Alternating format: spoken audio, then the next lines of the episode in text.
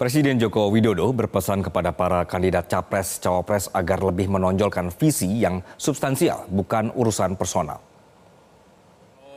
bisa menyampaikan visi misi yang substansial, tidak terjebak pada uh, debat yang apa, yang apa ya, yang uh, terlalu personal, tapi saya kira akan baik kalau debatnya itu mendebatkan mengenai visi yang substansial visi yang berguna bagi negara, berguna bagi bangsa, berguna bagi rakyat kita. Ya.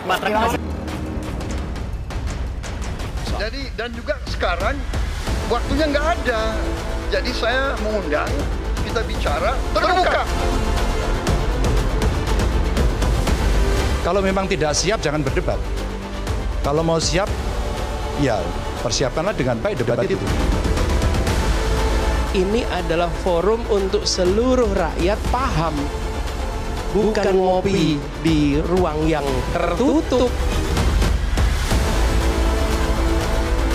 Jadi tidak hanya omon-omon-omon, kerjanya omon saja, nggak bisa. Berapa skor yang Bapak berikan atas kinerja Kementerian Pertahanan yang dipimpin oleh Bapak Prabowo? 5 juta. Mas Anies gak usah takut.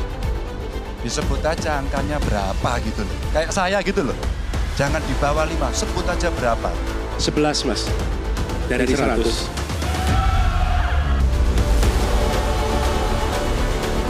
100. Saya rasa ini adalah sebuah kesempatan bagi kami-kami untuk menyampaikan misi kami. Saya kami akan bercerita tentang pengalaman 10 tahun dalam menjadi gubernur.